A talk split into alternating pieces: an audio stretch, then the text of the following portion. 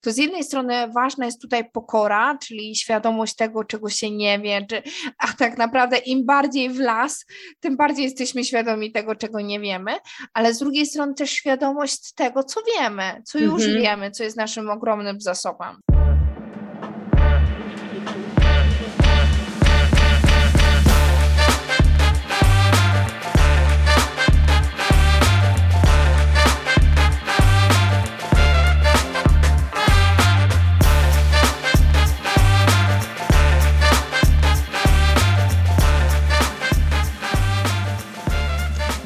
Zaprosiłam na randkę Idalię Szczepaniak i będziemy rozmawiać o sile PowerPointa.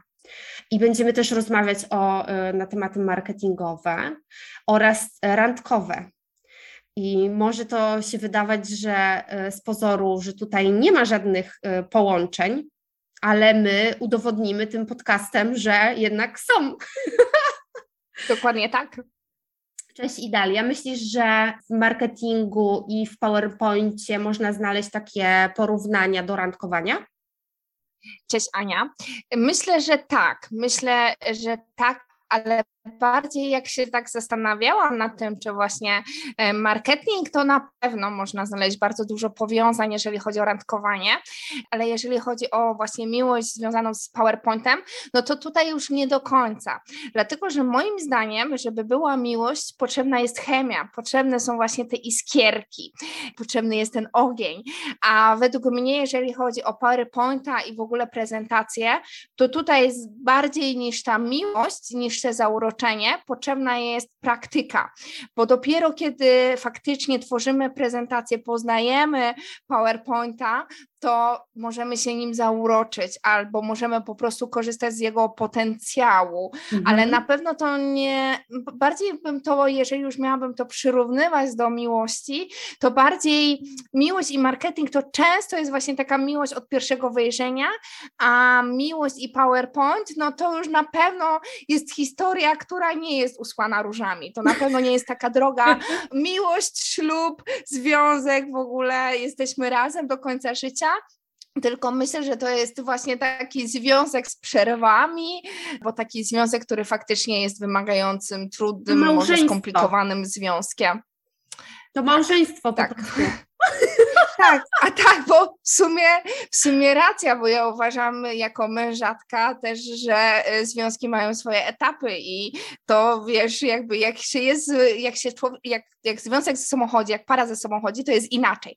Jak później, wiesz, w ogóle na początku ten etap zauroczenia, e, motylgi w brzuszku i w ogóle, później jak już są narzeczeństwem, to też jest inaczej. Nadal to są ludzie, którzy chcą ze sobą być, którzy się kochają, ale jest inaczej, to już zupełnie inne problemy są. To podobnie jak z wychowaniem dziecka.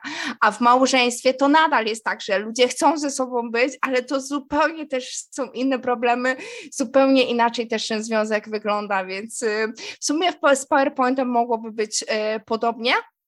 Aczkolwiek też to nie musi tak wyglądać, bo e, to, że wiele osób tak ma, że wiele osób nie lubi pracować w PowerPoincie, nie lubi tworzyć prezentacje, e, prezentacji multimedialnych, to tak naprawdę to jest tylko taki wierzchołek góry, bo e, ostatnio właśnie w swoim newsletterze napisałam takie zdanie, dlaczego w ogóle nie lubi, ludzie nie lubią występować publicznie.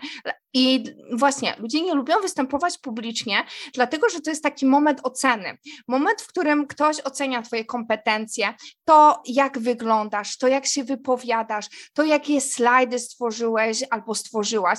Tych rzeczy, które e, pod, e, tych rzeczy, które poddajemy pod ocenę jest bardzo dużo. I dlatego w ogóle występy publiczne nie są takie, nie są rzeczą, którą Realną. większość z nas, mhm. tak, y, z nas To jest lubi. wychodzenie ze strefy komfortu, no i wiadomo, że nie każdy się urodził do tego, żeby występować i po prostu być mówcą teraz, nie? Dokładnie tak, a w ogóle zalążek bardzo często tych w ogóle y, każde wystąpienie, może nie każde to źle powiedziałam, ale wiele wystąpień tak naprawdę zaczyna się od prezentacji, od slajdów. I też wydaje mi się, nie, nie, jakby nie sprawdziłam żadnych badań, ale właśnie ludzie dlatego też nie lubią tworzyć prezentacji multimedialnych, dlatego że im się to w ogóle źle kojarzy, bo dla nich e, to jest pierwszy krok do wystąpienia publicznego, które nie zawsze jest komfortowe, które nie zawsze e, jest rzeczą, którą lubimy robić. Mhm. No, tak, e, tak, to prawda. Ale tak jak mówisz, są ogólnie dwa etapy takie tworzenia prezentacji, bo inną rzeczą jest tworzenie slajdów, a inną rzeczą jest to wystąpienie przed nie wiem, potencjalnym klientem, zakładam, albo mm, z, z prezentacją swojej oferty. Tak, ja w ogóle uważam, że jeżeli chodzi o projektowanie slajdów, to w całej takiej ścieżce, e, jeżeli nawet ją podzielimy od koncept, tworzenie nawet nie slajdów, tylko takiej sekcji slajdów poprzez y, zaprojektowanie slajdów czy wystąpienie, czyli całym takim procesie projektowania slajdów, y, całym procesie tworzenia prezentacji, to projektowanie slajdów to jest dla mnie trzeci etap. To nie jest pierwszy etap występu, mhm. przygotowania swojej prezentacji, tylko trzeci, czyli najpierw, co mam w ogóle na myśli mówiąc, że najpierw trzeba wykonać taką pracę lugar nad tym, co w ogóle chcemy w tej prezentacji zawrzeć. To w ogóle też jest według mnie drugi obszar, e, bo tak naprawdę, jeżeli mielibyśmy zaczynać od początku, to według mnie każdą prezentację należy rozpocząć od odpowiedzi na kilka kluczowych pytań. Należy sobie odpowiedzieć na pytanie, jaki jest mój cel, co ja chcę osiągnąć poprzez tą prezentację. To może być na przykład zdobycie nowego klienta, ale może być tak, że naszym celem jest zaprezentowanie się szerszej publiczności, Wcale to zdobywanie klienta nie musi być celem. Albo na przykład y, przekroczenie swojej granicy, swojej sfery komfortu po to, żeby występować i publicznie i żeby nabrać wprawę właśnie w tej dziedzinie. I to jest właśnie, trzeba sobie to podzielić na mój cel, ale też trzeba sobie zadać pytanie, jaki jest cel mojego odbiorcy.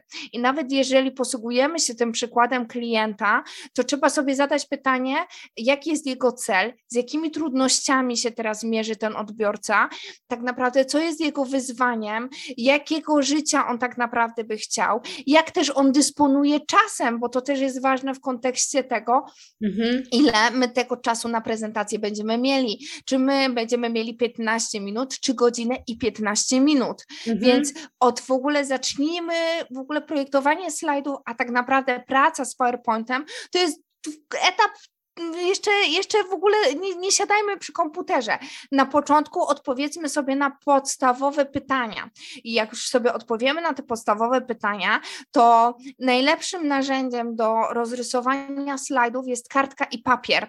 I faktycznie nawet roz, najpierw stwórzmy sobie taką sekcję, taki, e, taką strukturę naszej prezentacji, czyli rozwinięcie, e, roz, e, czyli wstęp. Tam może być na przykład agenda albo nawiązanie do głównego celu prezentacji, później rozwinięcie i też co w, tej, co w tym rozwinięciu będzie, jakie przykłady my będziemy tam pokazywać, e, albo czy będziemy dzielić się jakimiś danymi, czy nie. I później oczywiście zakończenie. I jak już będziemy mieli tą strukturę, taki ogół naszej prezentacji, to wtedy rozrysujmy to sobie na poszczególne slajdy. Ale ważne jest to, żeby rozrysować to sobie na kartce papieru, a nie w PowerPoincie, dlatego że kartka kartka papieru i długopis nie daje nam żadnych ograniczeń.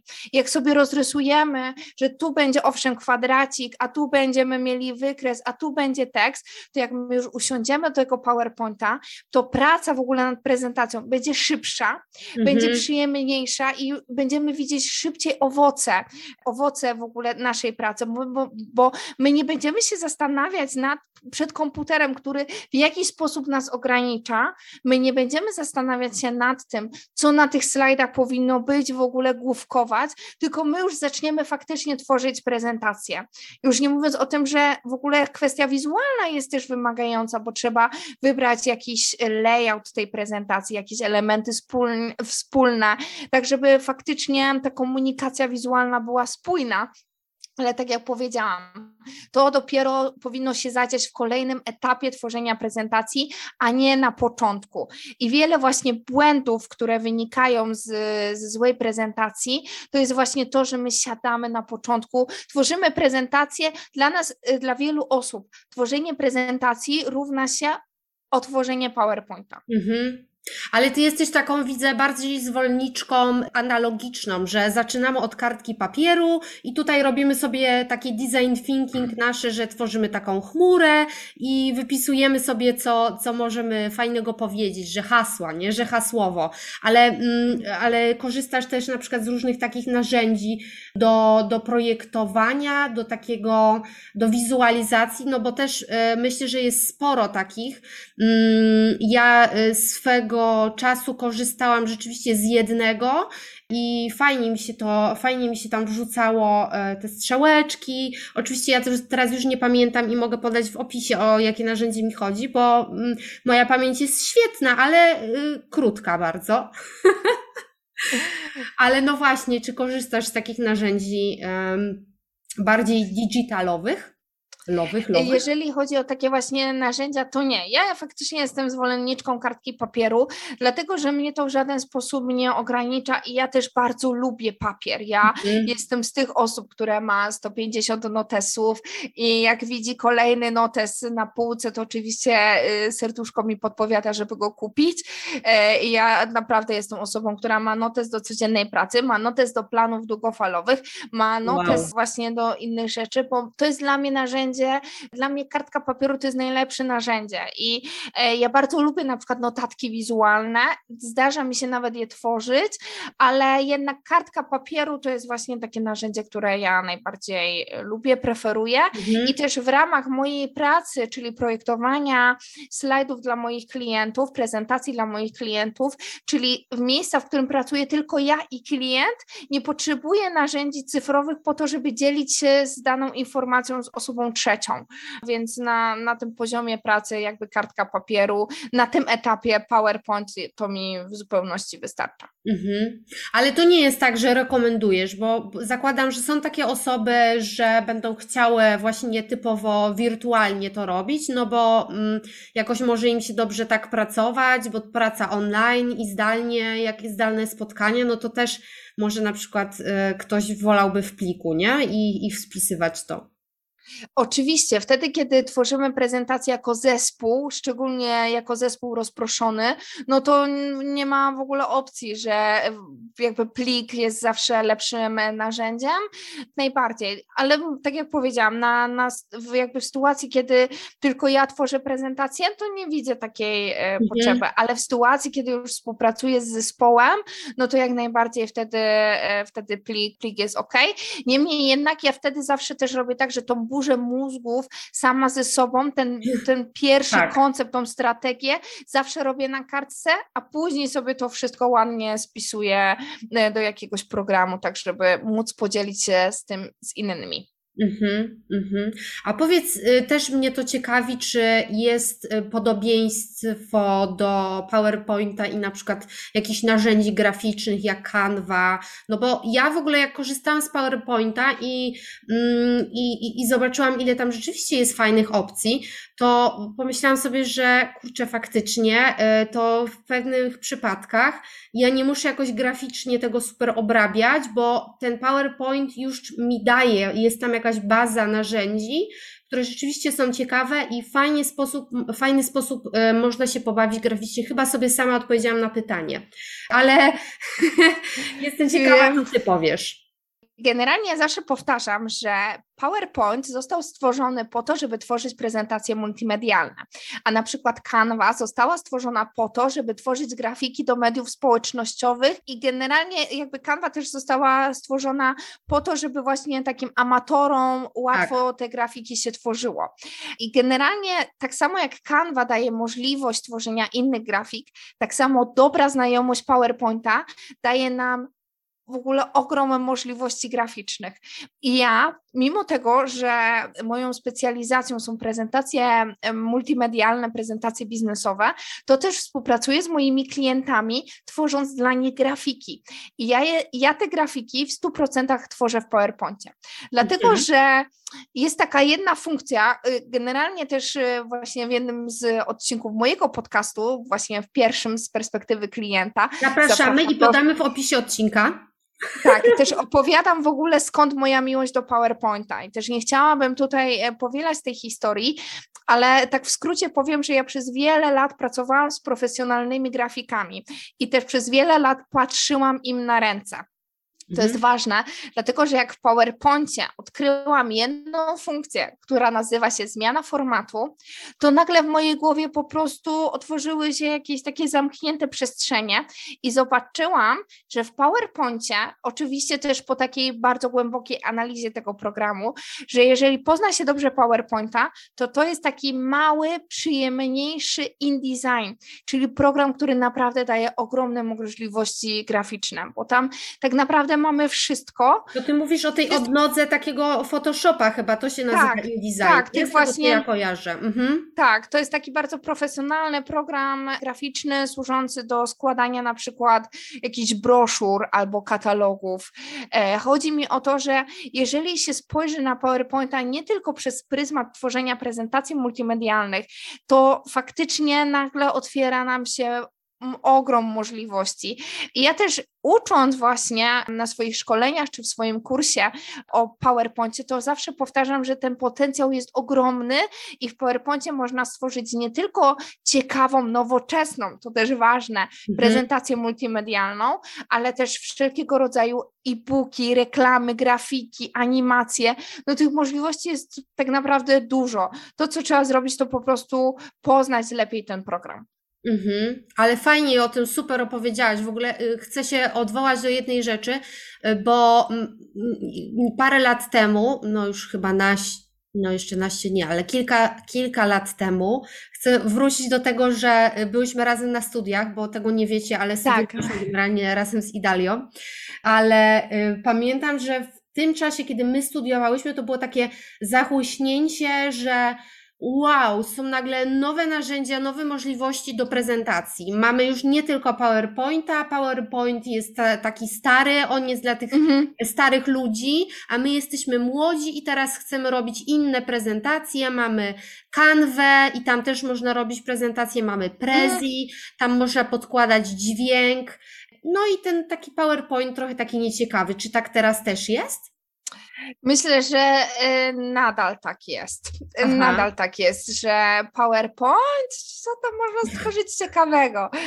Myślę też, że to wynika z tego, że w ogóle jak było to pierwsze zachłyśnięcie się PowerPointem, PowerPointem tak. Y, to tak naprawdę wie, wiele osób tworzyło takie brzydkie prezentacje i nie mhm. nauczyło się, nie nauczyło się tworzyć ładnych prezentacji. I ja wiem, że to, co powiedziałam przed chwilką, no nie jest zbyt miłe, ale myślę, że też jest ważne w kontekście zrozumienia, że wiele osób po prostu nie w sensie, i nie mówię tutaj, że jedną kwestią jest właśnie nauczyć się tworzyć fajne prezentacje i korzystać z tego programu, a inną kwestią to mieć taki zmysł troszeczkę artystyczny albo przynajmniej tak, podstawę właśnie. Taki, samą tak. estetykę, że lubisz ładne rzeczy, nie?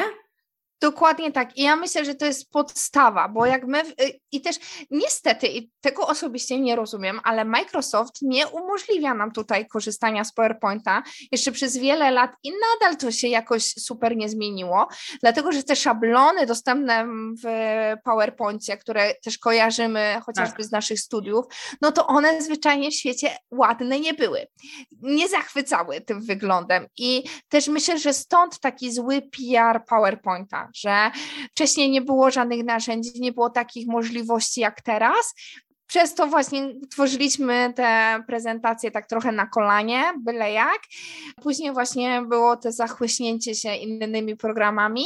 I teraz oczywiście, jeżeli ktoś nie zna e, PowerPointa dobrze, to może nawet lepiej, żeby skorzystał z jakiegoś gotowego, ładnego szablonu nie? Mhm. E, Ciśnij mi tak. się na usta teraz takie y, y, może niezbyt ładne porównanie, ale bardzo mnie rozśmieszyło w mojej głowie, więc je powiem, także je wytnę. Powiedz. Że jak właśnie my byliśmy na studiach, byliśmy studentkami, no to ten PowerPoint to był w naszych oczach, w takich oczach dwudziestoparolatek, jak taki y, starszy pan y, na Tinderze, tam pięćdziesiąt parę lat, nie? I generalnie niezbyt atrakcyjny i wiadomo, że a ta kanwa taka ładna, Jezus, Ale, Ale pamiętasz w ogóle? Pamiętasz w ogóle, jak my zaczynałyśmy, w sensie to, co jest ważne, to to, że my nie zaczynałyśmy wspólnie studiów, tylko my się tak. spotkałyśmy już na studiach magisterskich. Tak. Ta kanwa też nie była wtedy aż taka popularna, taka znana. Ja bardziej bym powiedziała, że Prezi wtedy robiło furorę, bo te animacje były takie, tak. uh, te treści tak ładnie. aż to się kręciło. Tak.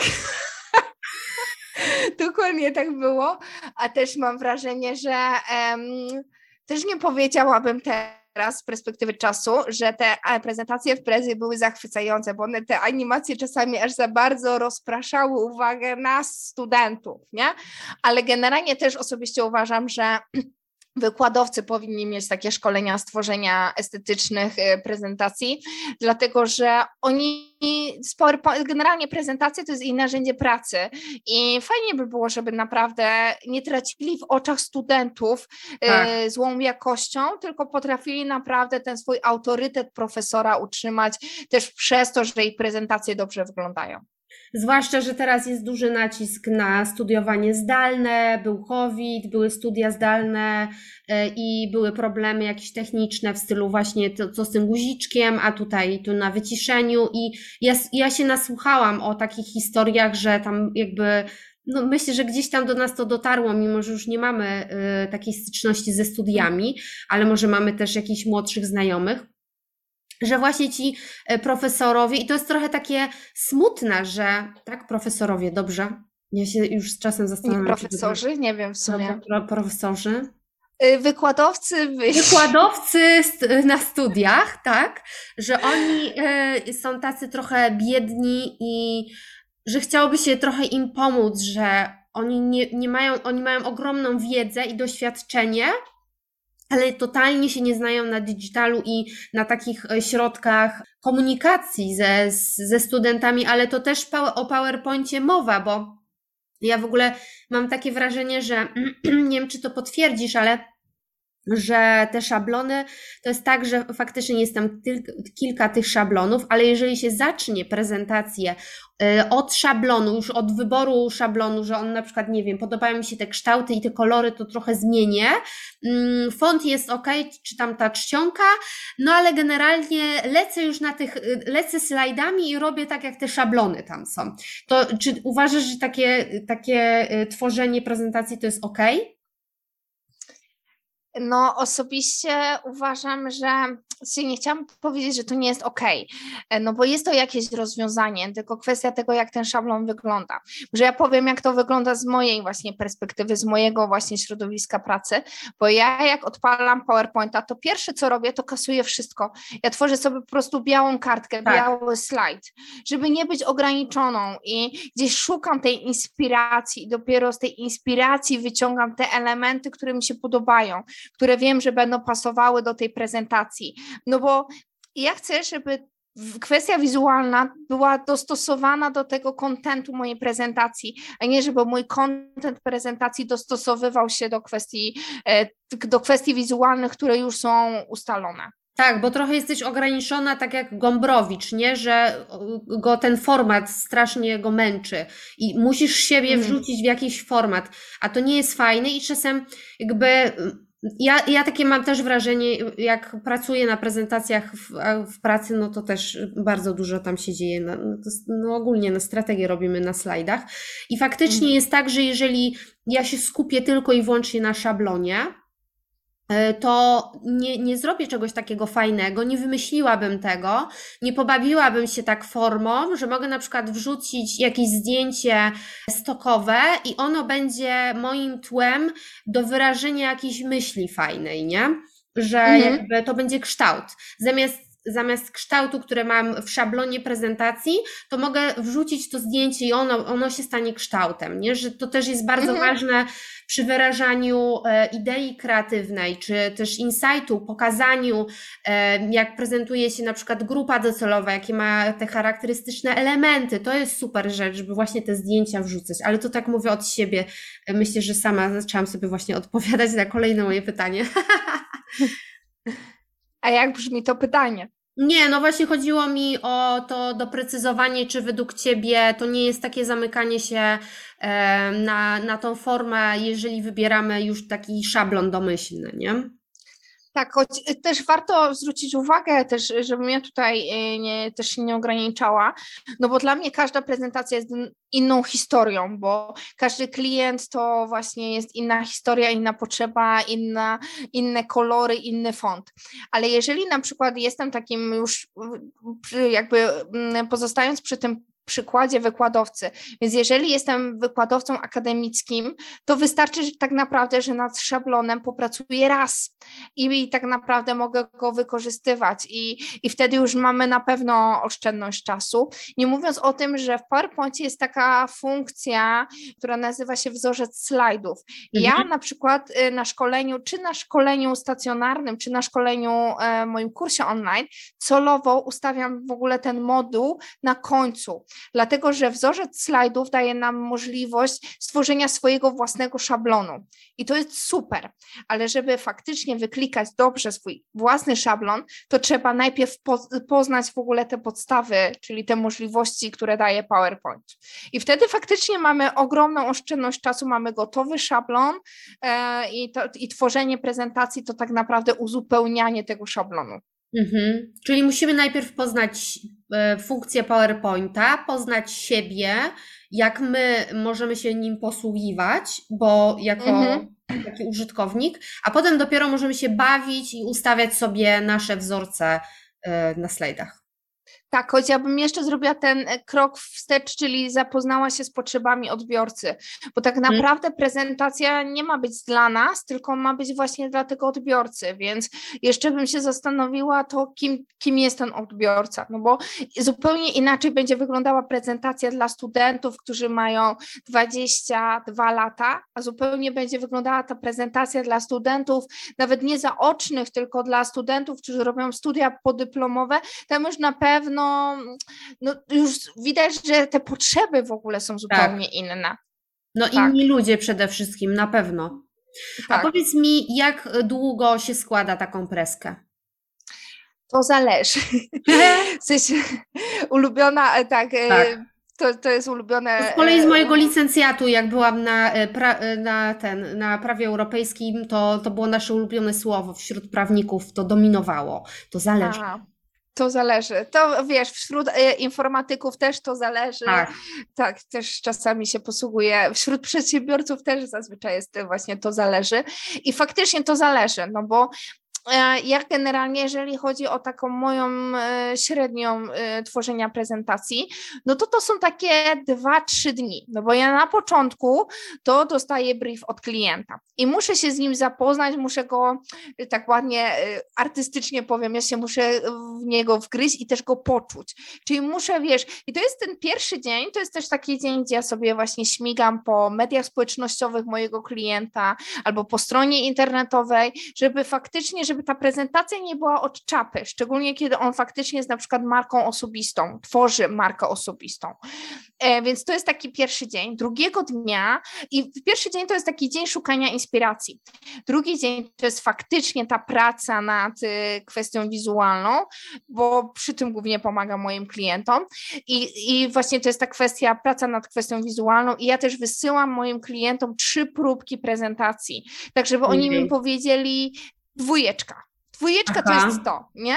Albo dwójeczka, a z trójeczki bierzemy to. Tak, żeby faktycznie oni mogli po pierwsze wybrać szablon, e, wybrać tą e, swoją kreację, a po drugie, żebym ja miała też poczucie, że, e, że to będzie coś, co im się podoba, żeby, żeby mieli wybór, żeby zwyczajnie w świecie klienci mieli wybór i potem jak klient mi to zaakceptuje, to ja faktycznie wtedy siadam i ubieram całą prezentację to jest ten, załóżmy ten, w sensie zazwyczaj jest to właśnie ten drugi dzień mojej pracy i trzeci dzień mojej pracy to jest właśnie dzień, gdzie dostaję korekty i po prostu je wdrażam. Więc to i te trzy dni to jest faktycznie najkrótszy czas na tworzenie prezentacji, bo ale zazwyczaj właśnie tworzenie prezentacji to jest taki tydzień, no bo zanim klient mi odpisze, zanim ja się z tym zapoznam, zanim ja to wdrożę, no to trochę o, oczywiście mija, więc tydzień to jest takie, powiedziałabym, minimum. Ja, ja bym powiedziała, że w ogóle to robisz na jakimś speedzie, e, bo dwa dni prezentacja to ja myślę sobie wow w głowie, to też zależy tak z ciekawości, pytam średnio mniej więcej ile slajdów objętościowo, jak to wygląda? No to zależy, bo tworzyłam też prezentację, która ma 120 slajdów i to oczywiście to był projekt na 3-4 y, tygodnie, ale też zazwyczaj to jest właśnie takie 20, 20 mhm. slajdów to tak, y, to tak wygląda. Przy czym też zdarzają mi się klienci, którzy po prostu powracają, więc wtedy praca też y, idzie zupełnie inaczej, jest po prostu szybsza. Mhm, mhm. Ale to myślisz, że właśnie rekomendujesz, żeby tak się zmieścić, tam 20-30 maksymalnie slajdów, czy może być na przykład dłuższa? Czy to, to no, zależy oczywiście... po prostu od osoby, która ma to prezentować? Tak, to zależy. Choć ja osobiście jakbym miała faktycznie powiedzieć liczbowo, e, co rekomenduję, to rekomenduję 20-30 slajdów, dlatego że zazwyczaj mówimy przez maks godzinę tak, ale to też takie, jeżeli mielibyśmy posłuchać e, różnych e, mówców albo różnych tam wykładów, no to bardzo często to jest tak, że mówimy godzinę. Ja zawsze powtarzam, że slajdy mają być tłem do tego, co ja mówię, co mówi tak naprawdę prelegent. Jeżeli my, ja wyobraź sobie, że jeżeli mamy prezentację, że mam 60 minut, mam 60 minut, co i tak jest bardzo dużo czasu, to jest 60 minut to jest bardzo długi yy, blok czasowy. Jeżeli ja tam będę miała 120 slajdów, to to jest przecież, to są dwa slajdy na minutę. To, to ja tak no. naprawdę tylko przeklikuję. A wy, odbiorca ma zawsze wybór. Jakby odbiorca nigdy nie skupi się albo na. E, nie, odbiorca ma zawsze wybór. I odbiorca albo będzie mnie słuchał, wybierze, będę mnie słuchał, albo wybierze, będę czytał to, co jest na slajdzie. Odbiorca nigdy nie jest w stanie słuchać i czytać jednocześnie. A ja mhm. jednak wolę, i żeby, y, żeby on nie słuchał, żeby odbiorca faktycznie skupił się na tym, co ja mówię, skupił się na mojej osobie, a żeby slajdy były tłem. Dlatego ja rekomenduję właśnie mniejszą ilość y, czasu, y, mniejszą ilość slajdów. Tak. I też tak z mojego doświadczenia wynika, ale to jest też moje doświadczenie, że jak mam mniej slajdów, to się mniej spinam z tym, czy ja się wyrobię ze wszystkimi slajdami. Czy ja zdążę się przeklikać do tego, dziękuję za uwagę. Aha. A co z no. takim y, przypadkiem, że nie wiem, czy może tobie się zdarzyło coś takiego? Wydaje mi się, że u mnie tak było, że ja mi się wydawało, że mam prezentację, którą się wyrobię, załóżmy miałam pół godziny. I mhm. ja przygotowałam tą prezentację i mam tam, załóżmy, nie wiem, 20-25 slajdów. I ja generalnie mam dosyć szybkie tempo mówienia. Jak podkręcę, to mhm. jeszcze mogę szybciej mówić.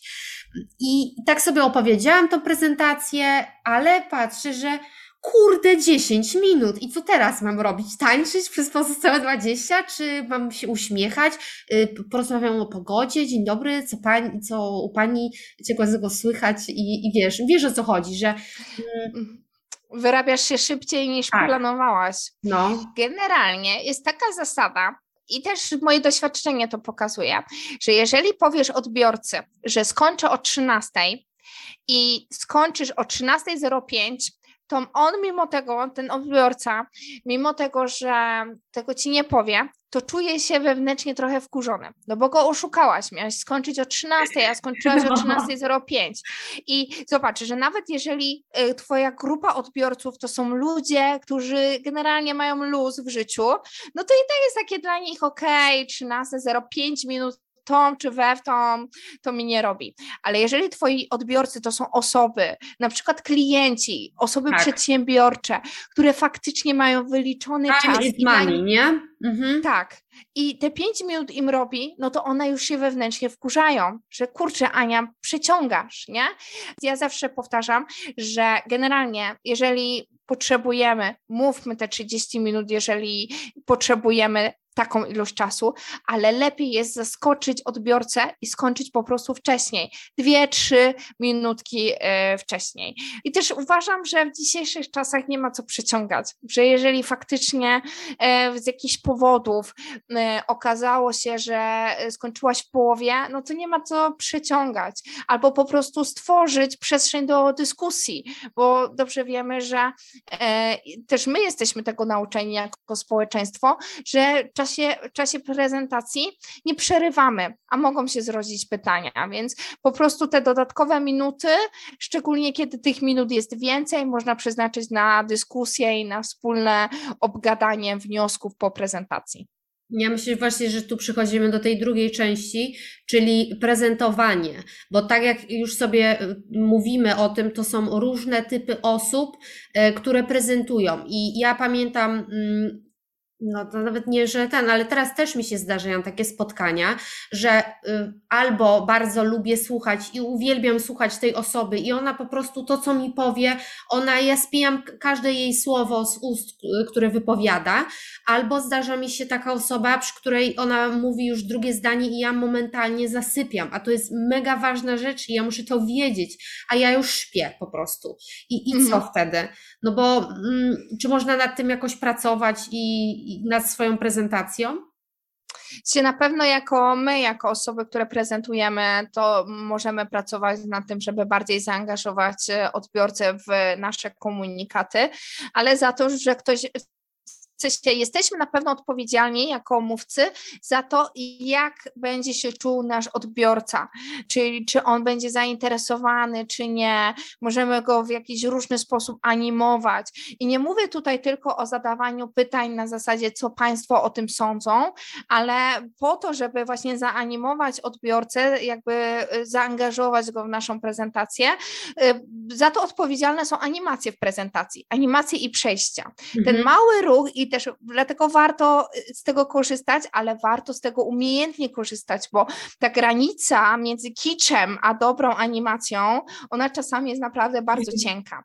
I właśnie animacje zostały też stworzone po to, żeby odbiorca nie zasypiał, no bo to jest też tak trochę naturalnie, szczególnie kiedy na przykład nasz odbiorca to osoba, która żyje na wysokim ciśnieniu i jego serduszko jest przyzwyczajone do tego, że dużo się dzieje, nagle tak. siada i po prostu jego organizm się wycisza i jego organizm myśli, że za chwilę będzie spać, a tak nie jest, on wcale spać nie ma, on ma się skupić.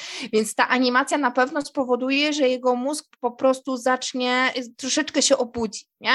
Ale też takim dobrym sposobem na to, żeby na przykład skupić swoją uwagę odbiorcy, jest po prostu czarny slajd. I za to jest odpowiedzialny przycisk w widoku prezentera w PowerPoincie, za to też jest odpowiedzialny skrót klawiszowy e, i po prostu, jeżeli chcemy, żeby widownia spojrzała na nas i faktycznie wysłuchała to, co mówimy, to po prostu stwórzmy biały albo czarny slajd i oni z automatu, z automatu odbiorcy zaczną patrzeć na ciebie. Ale to jest super rozwiązanie. Ale może być jakiś inny kolor? Nie czarny albo biały? Wiesz co, y, czarny... Oczywiście, wiesz, wystarczy, że po prostu sobie ustawisz kolejny slajd jako taki y, kolor. Czarny i biały slajd po prostu są takie skróty klawiszowe i, i, i wystarczy po prostu tam kliknąć widoku prezentera i po prostu ten slajd zrobić się e, czarny, ale jak najbardziej, jeżeli wiesz, że w tym momencie chcesz zrobić pauzę, o, albo cisza też jest świetnym rozwiązaniem. Po prostu przestań mówić. I mhm. wtedy z automatu odbiorcy też zobaczą, kurczę, coś się dzieje i zwrócą na ciebie uwagę. Mhm, mhm. Fajne to jest, no. Ja, myślę, ja w ogóle zazdroszczę osobom, które mają taką charyzmę. Pamiętam, że miałam taką koleżankę. E, ona nie była, za dużo nie mówiła, ale za każdym razem, jak wychodziła na środek, to wszyscy jej słuchali. Wszyscy. I, ale to nawet nie było to że z szoku, że ona na coś nie mówi, tylko ona miała coś takiego, taki ton głosu, że tego się chciało słuchać. Że to aż było takie dziwne, że w sumie ona właśnie nie mówi, bo opowiadała super. To było, to było bardzo fajne. Ja bym chciała jeszcze zapytać o to, czy w PowerPoincie tak też jest, że e, są jakieś trendy, że mm, nie wiem, w social mediach jest tak, że się pojawiają teraz awatary i to jest taki super hype na to, że będzie NFT, będą właśnie, będą te awatary, jakieś nakładki nowe, na Tinderze są na przykład zdjęcia z rybami, O, a w sensie, ty jesteś taka obeznana w tych takich nowościach w mediach społecznościowych. Ja w ogóle, wiesz, nie wiem, co jest na Tinderze, nie? E, więc no, więc spoko. E, więc pytanie, czy odpowiadając na Twoje pytanie, czy w świecie prezentacji są trendy? Tak, są trendy i też widać to przez y, prezentacje, które właśnie tworzę i które też mam okazję mm, oglądać. Chociażby można to spojrzeć właśnie w tej przestrzeni kilku lat, że kiedyś jakby trochę standardem była ta ściana tekstu, nie? Wszyscy mhm. oczywiście, nikt tego nie lubiał, ale jakby to, nie chcę powiedzieć, że to było w trendach, to było raczej normą.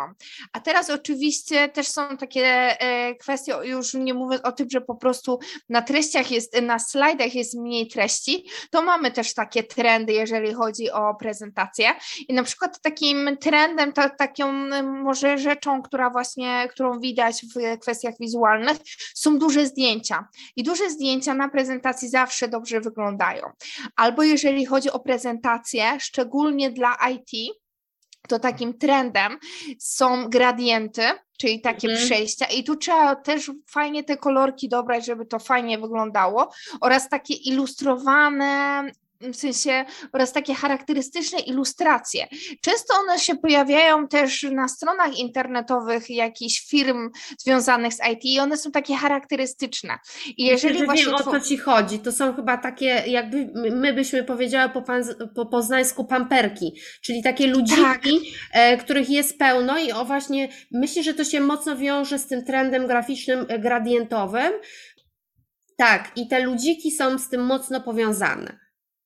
Tak, tak. I to jest takie, wiesz, jak tworzę właśnie, miałam nawet jakiś czas temu konsultację z właścicielem firmy IT i on po prostu chciał mnie zapytać o kilka różnych rzeczy, to to była właśnie taka charakterystyczna rzecz. Właśnie świat IT, pamperki, gradienty, to, to generalnie bardzo mocno e, przoduje.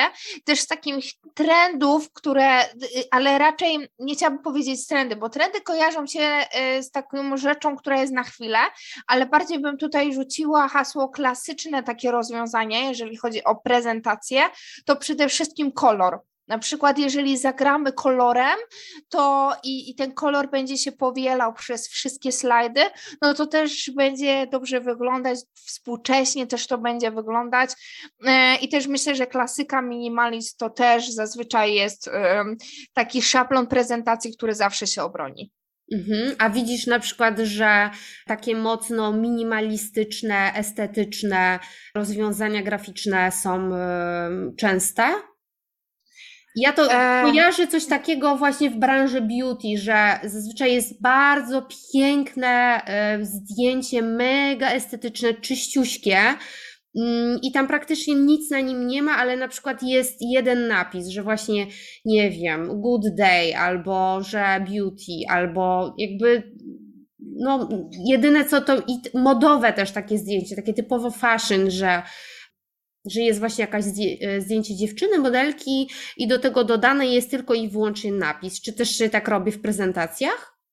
Jak najbardziej. Jeżeli faktycznie, szczególnie kiedy na przykład taki jest brand, taka jest komunikacja marki w mediach społecznościowych, w internecie, no to wtedy fajnie, żeby ta prezentacja też była kontynuacją tej komunikacji wizualnej, a nie żeby była od czapy. E, mhm. Choć nie wiem, czy na przykład zdajesz sobie z tego sprawę, albo czy słuchacze zdają sobie z tego sprawę, że właśnie takie delikatne, subtelne zdjęcia, prezentacje, grafiki naprawdę trudno się tworzy, w sensie yy, to nie jest łatwe, to się wydaje, a tu jest tylko tylko człowiek i tu jest tylko napis, ale tak. dobór tego fontu, tych kolorów, to naprawdę jest, y, nie chcę to powiedzieć sztuka. ogrom pracy, ale to, na to też trzeba poświęcić czas, żeby faktycznie to tak lekko wyglądało. I ja tego nie umiem robić i zazdroszczę tym ludziom, którzy właśnie, e, którzy umieją robić takie rzeczy. To tak w mojej pierwszej rozmowie z gościem, właściwie z gościnią, e, to rozmawiałam z Martyną Kasprzyk, e, pierwszy odcinek tego podcastu z gościem i ona właśnie ma taką komunikację e, na swoim Instagramie i ja jej tego zazdroszczę, bo ja nie umiem robić takich rzeczy. I ona to robi rzeczywiście pięknie. Ona ma jedno zdjęcie, do tego ma napis właśnie jakiś taki mega motywujący i to jest super, a ja nie umiem, bo to jest kwestia takiej rezygnacji, że rezygnujesz z tego, mhm. żeby nie było tam jeszcze przycisku, jakieś naklejki, a może gifik sobie walnę, albo tutaj jakieś przejście, nie? No to jest ciężkie. Tak, tak. Tym bardziej, że e, w ogóle E, nie wiem, czy ty tak miałaś, ale myślę, że w, w sensie, myślę, że wszyscy tak mieliśmy w przedszkolu, ale też nie chcę generalizować. Ale jak mieliśmy kartkę papieru, to wszyscy, nie wiem, rodzice, pedagodzy, nauczyciele kazali nam wypełnić każdą przestrzeń, bo tak. biała kartka to było coś strasznego. I myślę, że to, że my chcemy tą naszą kartkę, ten nasz slajd, grafikę właśnie tak wypełnić w 100%, to trochę jest pokłosie naszego dzieciństwa. Tym bardziej, że w mhm. szkole takiej zwykłej, oczywiście w artystycznej to wygląda zupełnie inaczej, ale w szkole naszej takiej podstawowej edukacji klasycznej nie ma, e, nie ma przedmiotów graficznych, nie ma komunikacji wizualnej e, i dlatego też skąd jakby osoby, które się tym nie zajmują, mają wiedzieć, jak zrobić pewne rzeczy. Ja kurczę jeszcze raz to powiem, bo rozmawiałam też to z kolei z Kitty, jak rozmawiałam e, w podcaście, że te dzieci po prostu, one są biedne i ubogie w tym szkolnictwie i po prostu szkolnictwo robi im krzywdę, bo to jest na takiej zasadzie, że masz te zawody e, w stylu lekarz, prawnik, e, nie wiem, nauczycielka, nie ma nic innego, a pani w sklepie jeszcze ewentualnie, nie ma nic innego, a przecież mamy już 2022 rok, jak nasze dzieci będą mm, na etapie, że będą ogarniały rzeczywiście zawody, no to, to już teraz jest tak, że są takie zawody, że 10 lat temu to nam się w głowie nie mieściło, bo powiedziałaś o tej e, takiej. Mm, artystycznym takim podejściu, takim podejściu wizualnym, że tego powinni uczyć w szkołach. I o to jestem zła, bo mm, ja też mam Gabrysię, którą, y, którą obserwuję, jak ona się uczy i oni faktycznie bardzo dużo robią w szkole, ale ona też jest, ma klasę, y, to już teraz się uzewnętrznia, może też nie powinnam, ale tak mi się narzuciło, że jest o profilu artystycznym i oni rzeczywiście rysują. I ja też ostatnio miałam coś takiego, że przyniosła rysunek i ja widzę, że chmurkę narysowała. I ja mówię, ale tą chmurkę, no to weź tam ogarnij, no do, do, dorysuj tam na, do końca, nie? Przecież dlaczego ona jest taka biała? No i tam było, była kłótnia, że przecież chmurka, ona nie musi być taka. Ogólnie stanęło no, na tym, że była zamalowana, ale właśnie to było takie, że faktycznie nie musiałam jej tego mówić, nie? Że mogło być białe, bo może w jej wizji było takie, takie białe. Ale no współczuję tym dzieciom, one powinny, powinny mieć coś pomiędzy, powinno być to bardziej dostosowane. A też zaczęłaś mówić coś o, o tym, że w szkole artystycznej y, to wygląda inaczej. Czy ty masz takie, taką wiedzę na temat tego, jak wygląda szkoła artystycznej? Czy tak po prostu? Nie, nie, ty też wspomniałaś o tym, że my się poznałyśmy na studiach i tak. to jest prawda, ale myślę też, że nie wspomniałyśmy tutaj naszym słuchaczom tak naprawdę, jakie tytuły naukowe mamy, bo obydwie skończyłyśmy tak naprawdę stosunki międzynarodowe i to specjalizację biznesową. E, więc owszem, to co robimy teraz ma jakiś związek z tym, co studiowałyśmy, ale myślę, że tak szczerze możemy powiedzieć, że to jest raptem procent albo jakiś tak. mały ułamek. Pewno na studia nie przygotowały do tego, czym się teraz zajmujemy, e, więc ja też nie mam doświadczenia takiego naukowego, w sensie nie uczyłam się kwestii graficznych i wszystko, wszystko co umiem, umiem tak naprawdę dlatego, że poświęciłam czas i jeżeli chodzi o właśnie PowerPointa, to ja faktycznie poświęciłam czas, czyli każdą wolną chwilę w momencie, kiedy jakby zobaczyłam, że w tym jest ogromny potencjał, to każdą wolną chwilę spędziłam na tym, żeby ten program poznać. I też uczyłam się przez praktykę właśnie takich kwestii wizualnych, więc jeżeli chodzi o taką, o taki trochę, nie chcę powiedzieć artystyczny zmysł, ale właśnie o tą estetykę, o projektowanie graficzne, no to jestem tutaj jakby samoukiem. Ale jeżeli chodzi o inne kwestie, no to już ja tutaj na przykład korzystam z kursów i z wiedzy innych osób. I też nawiązując też troszeczkę do tego, co ty mówiłaś w kontekście Gabrysi, to owszem, nasze dzieci, um, obawiam się, że moje dziecko też jak pójdzie do szkoły, to tam niewiele się zmieni w tym szkolnictwie, ale też obserwując to, jak ja działam albo jak działają inne osoby, które chcą się rozwijać, to to, że przekwalifikowanie kwalifikowanie się czy zdobycie kompetencji innych wydaje mi się, że w dzisiejszym świecie jest najłatwiejsze w całej w ogóle dekadzie, w całej przestrzeni mm-hmm. czasu, bo z jednej strony szkolnictwo w Polsce stanęło, ale z drugiej strony jak nigdy mamy na wyciągnięcie ręki wiedzę, doświadczenie innych osób, chociażby przez kursy online albo tak. chociażby przez jakieś podyplomówki. Tak naprawdę, jeżeli ktoś, chce, jeżeli ktoś we współczesnym świecie chce się rozwijać, i ma dostęp do internetu, to tak naprawdę to, czy się będzie rozwijał, czy nie, to jest jego chce albo nie chce.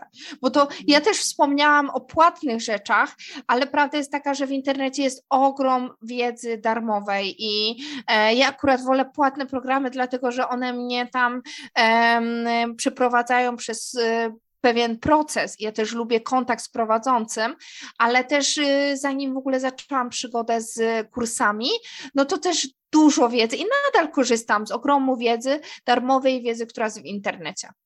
Mhm. A masz jakieś polecane platformy, albo właśnie oprócz tego, że polecamy Ciebie jako osobę, e, jako eksperta, ale mm, czy, bo ja mam takie wrażenie, że mega hype się zrobił na kursy i jest mnóstwo osób, które, którzy oferują swoje usługi, że oni szkolą ludzi, ale niekoniecznie to jest tak, że oni ci przynoszą jakąś wiedzę, bo możesz, te, możesz też już mieć tą wiedzę i ty jeszcze tego nie wiesz, ale oni to przedstawiają w taki sposób, że mm, ty i tak kupi, kupisz ten kurs. Jeżeli ja jestem e, osobą, która bardzo lubi, w sensie generalnie mm, mnie interesuje marketing, biznes online, ale w kontekście właśnie tworzenia marki osobistej. I ja właśnie takich osób, które tworzą markę osobistą, to tak się profesjonalnie nazywa, ale ja zawsze sobie przekładam to w głowie, że one się po prostu w czymś specjalizują, po prostu obserwuję. I z takich osób, które obserwuję, na przykład jest y, Italiana, czyli Justyna Stańska i mhm. faktycznie jakby z jej wiedzy korzystam, też właśnie jestem w jej kursie e, programu, właśnie w jej takim grupowym programie i tu na przykład od niej uczę się takich rzeczy i skilli stricte biznesowych. Ale na przykład w zeszłym roku i właśnie to jest też takie dobra, dobre porównanie, dlatego że ja jak uczyłam się PowerPointa, to wszystkiego uczyłam się sama. Mhm. I jak zaczęłam, e, w sensie te, te funkcjonalności tak naprawdę poznawałam samodzielnie. I jak zaczęłam pod koniec 2000, nie, jak zaczęłam pod koniec 2019 roku, chciałam powiedzieć wieku, 2019 e, roku, e, tak w 2021 roku stwierdziłam, dobra, znam PowerPointa tak w 99%, jakby celowo zostawiam sobie ten 1%, dlatego że e, to się jednak ciągle zmienia, to jest narzędzie, które ciągle jest, które ciągle jest może nie chcę popra- poprawiana, to jest złe słowo, ale które ciągle ma jakieś nowości.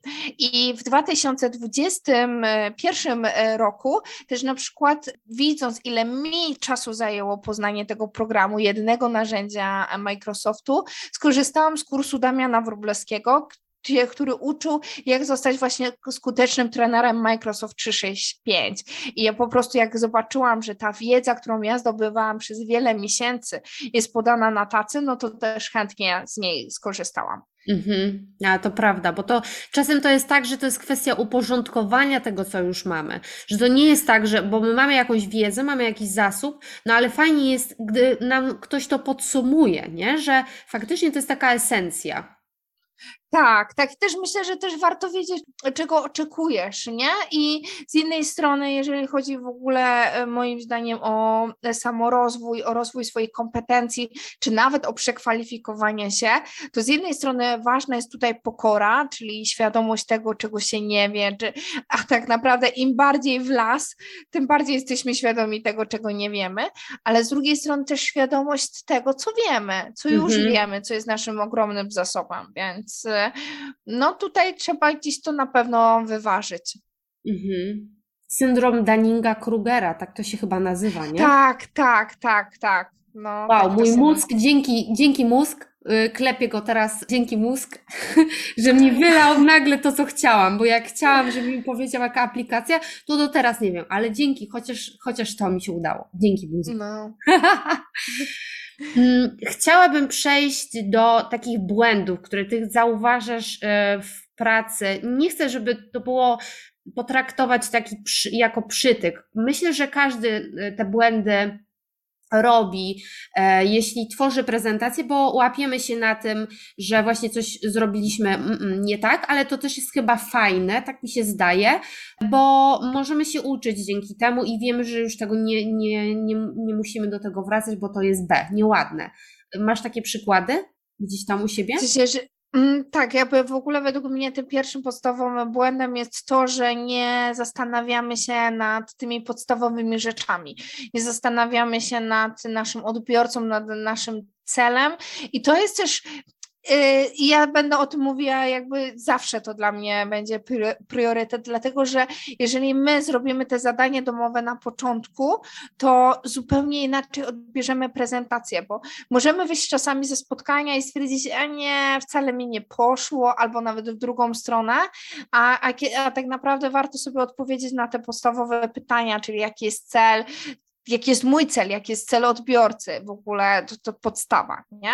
E, I to jeżeli chodzi o taki koncept prezentacji, a jeżeli chodzi o kwestie takie wizualne, kwestie już stricte z pracy ze slajdami, no to taka nagminny błąd to oczywiście literówki i to mm, mi też się zdarzają literówki, więc najbardziej slajdy, które są przeładowane, to nadal mhm. jest taka rzecz, która, je, która jest nagminna. E, I też myślę, że takim nagminnym błędem jest to, że większość pracowników, szczególnie biurowych, odkłada tworzenie prezentacji na ostatnią możliwą chwilę. I nawet jest, jak na liście zadań mamy różne rzeczy do zrobienia w ciągu dnia, to prezentacja PowerPoincie jest na, często na jednym z ostatnich zadań w ciągu dnia. Serio tak jest? Tak, wyczytałam to w książce, ale te dane moim zdaniem ciągle są aktualne. To jakby tworzenie prezentacji to nie jest priorytet, że zawsze są ważniejsze rzeczy. Jakby to chciałam, e, żeby wybrzmiało. I co mhm. za tym idzie, przez to, że tworzenie prezentacji na dane spotkanie nie jest naszym priorytetem, to ta prezentacja jest tworzona na kolanie, no bo zawsze są ważniejsze rzeczy, bo nie ma czasu. I myślę, że właśnie takim też błędem w projektowaniu slajdów jest to, że odkładamy to na ostatnią chwilę. E, I przez to właśnie też nie mamy czasu, żeby poświęcić tej prezentacji odpowiednią uwagę. E, Ale to znaczy, że oni w ten czas co, co robią w takim razie ci ludzie, bo jakby mi, mi się to nie mieści w głowie, ja o to pytam, pytam, bo nie rozumiem takiego podejścia, że to research wtedy, czy, czy co się robi w tym czasie? No ale wyobraź sobie, że jesteś, nie wiem, specjalistą albo dyrektorem do spraw marketingu wielkiej firmy. Right. Masz do zrobienia, e, tak, masz do zrobienia spotkanie z zespołem, rozmowę z potencjalnym dostawcą, musisz zaakceptować e, jeden plik reklamy, drugi plik i wiesz, i w tym wszystkim musisz stworzyć prezentację na spotkanie za trzy dni. No to mhm. wiesz, jak ustawiasz sobie te zadania, no to okazuje się, że y, najpierw zaakceptuję, później porozmawiam porozmawiam z zespołem, a później się zabiorę za tą prezentację.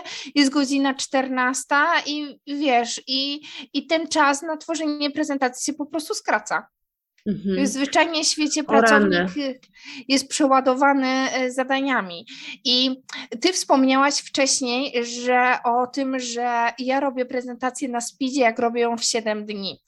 Ale uwierz mi, że Ostatnio nawet miałam taką sytuację, że dostałam maila e, od klienta, któremu wcześniej wysłałam wycenę i to było, no poproszę, jakby akceptuję cenę, poproszę prezentację, mówię, do ok, bardzo się cieszę, ale do kiedy ta prezentacja musi być gotowa? Za pięć dni. Mam wystąpienie tam szóstego dnia.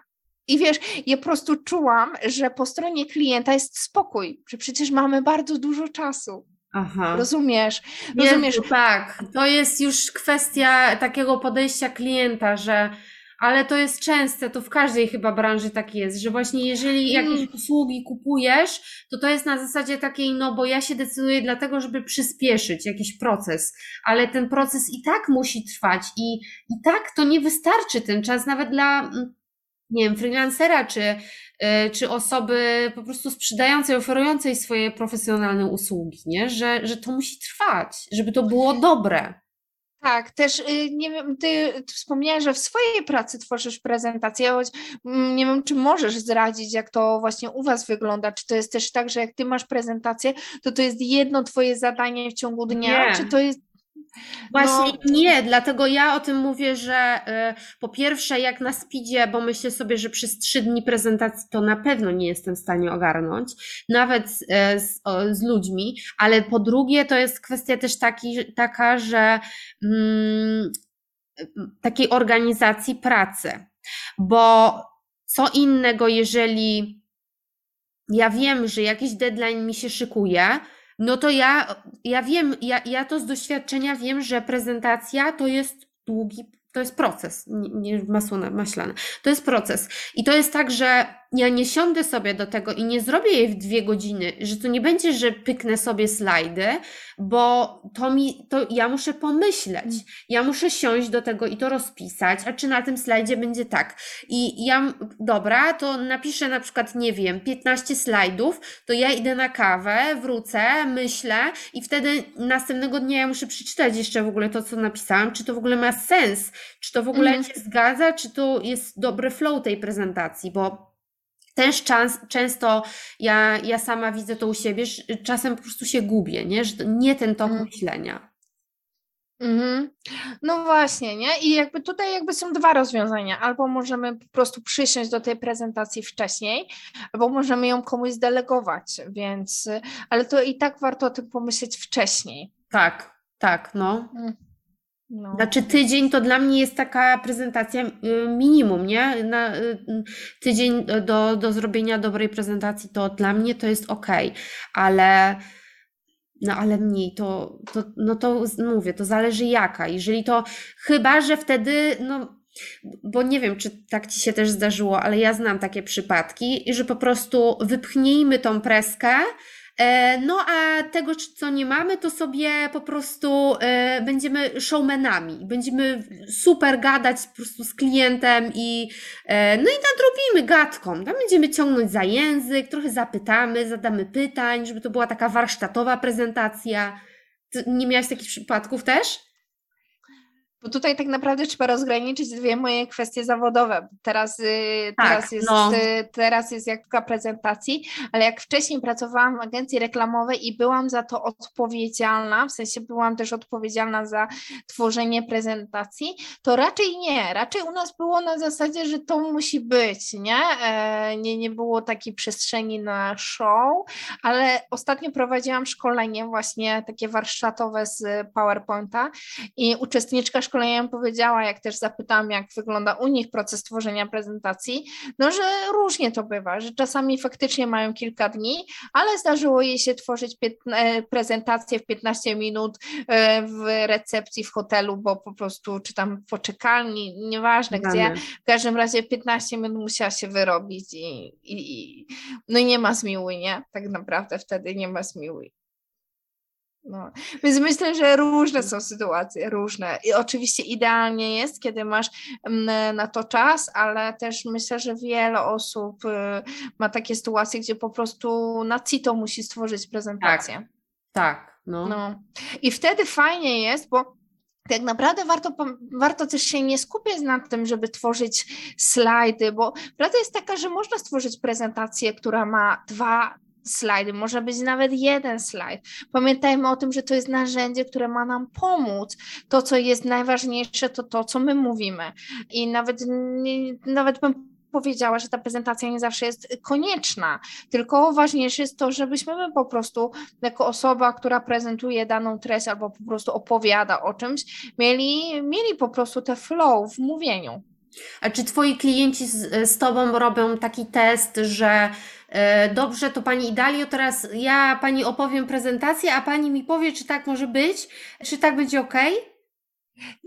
Nie, jeszcze właśnie nie miałam, w sensie nie miałam takiej sytuacji, ale też ostatnio chodzi mi po głowie właśnie wprowadzenie takiej usługi, e, takich właśnie konsultacji, bo teraz dostępna jest, e, teraz dostępne są albo konsultacje, albo zlecenie po prostu prezentacji, a właśnie pomyślałam o takim połączeniu tego, czyli Tak. czyli po prostu o takim pakiecie konsultacji, ale to dopiero się w mojej głowie e, rodzi, bo też, też chciałabym, żeby też chciałabym właśnie w ramach sztuki prezentacji nie tylko oferować te kwestie techniczne, wizualne, ale też chciałabym pomagać innym być bardziej pewniejszym siebie właśnie na scenie. Nawet nie tylko na scenie, tylko podczas prezentacji, więc ale to jest jeszcze obszar, na którym muszę się um, skupić po to, żeby faktycznie móc, móc oferować takie usługi. Mm -hmm, Czyli w tym kierunku będziesz się rozwijać. Dla mnie to jest mega ciekawe, szalenie ciekawe zagadnienie, bo tam są właśnie te wszystkie takie tipy, że czy trzymać długopis, czy jednak ręka tak, otwarta, są jakieś postawy. Ja pamiętam, że moja koleżanka też na, moich licen- na moim licencjacie miała taką książkę i były normalnie rozrysowane postawy ludzi, jak stali podczas prezentacji, jak wypaść profesjonalnie, żeby właśnie super y, sobie ogarniać y, te prezentacje.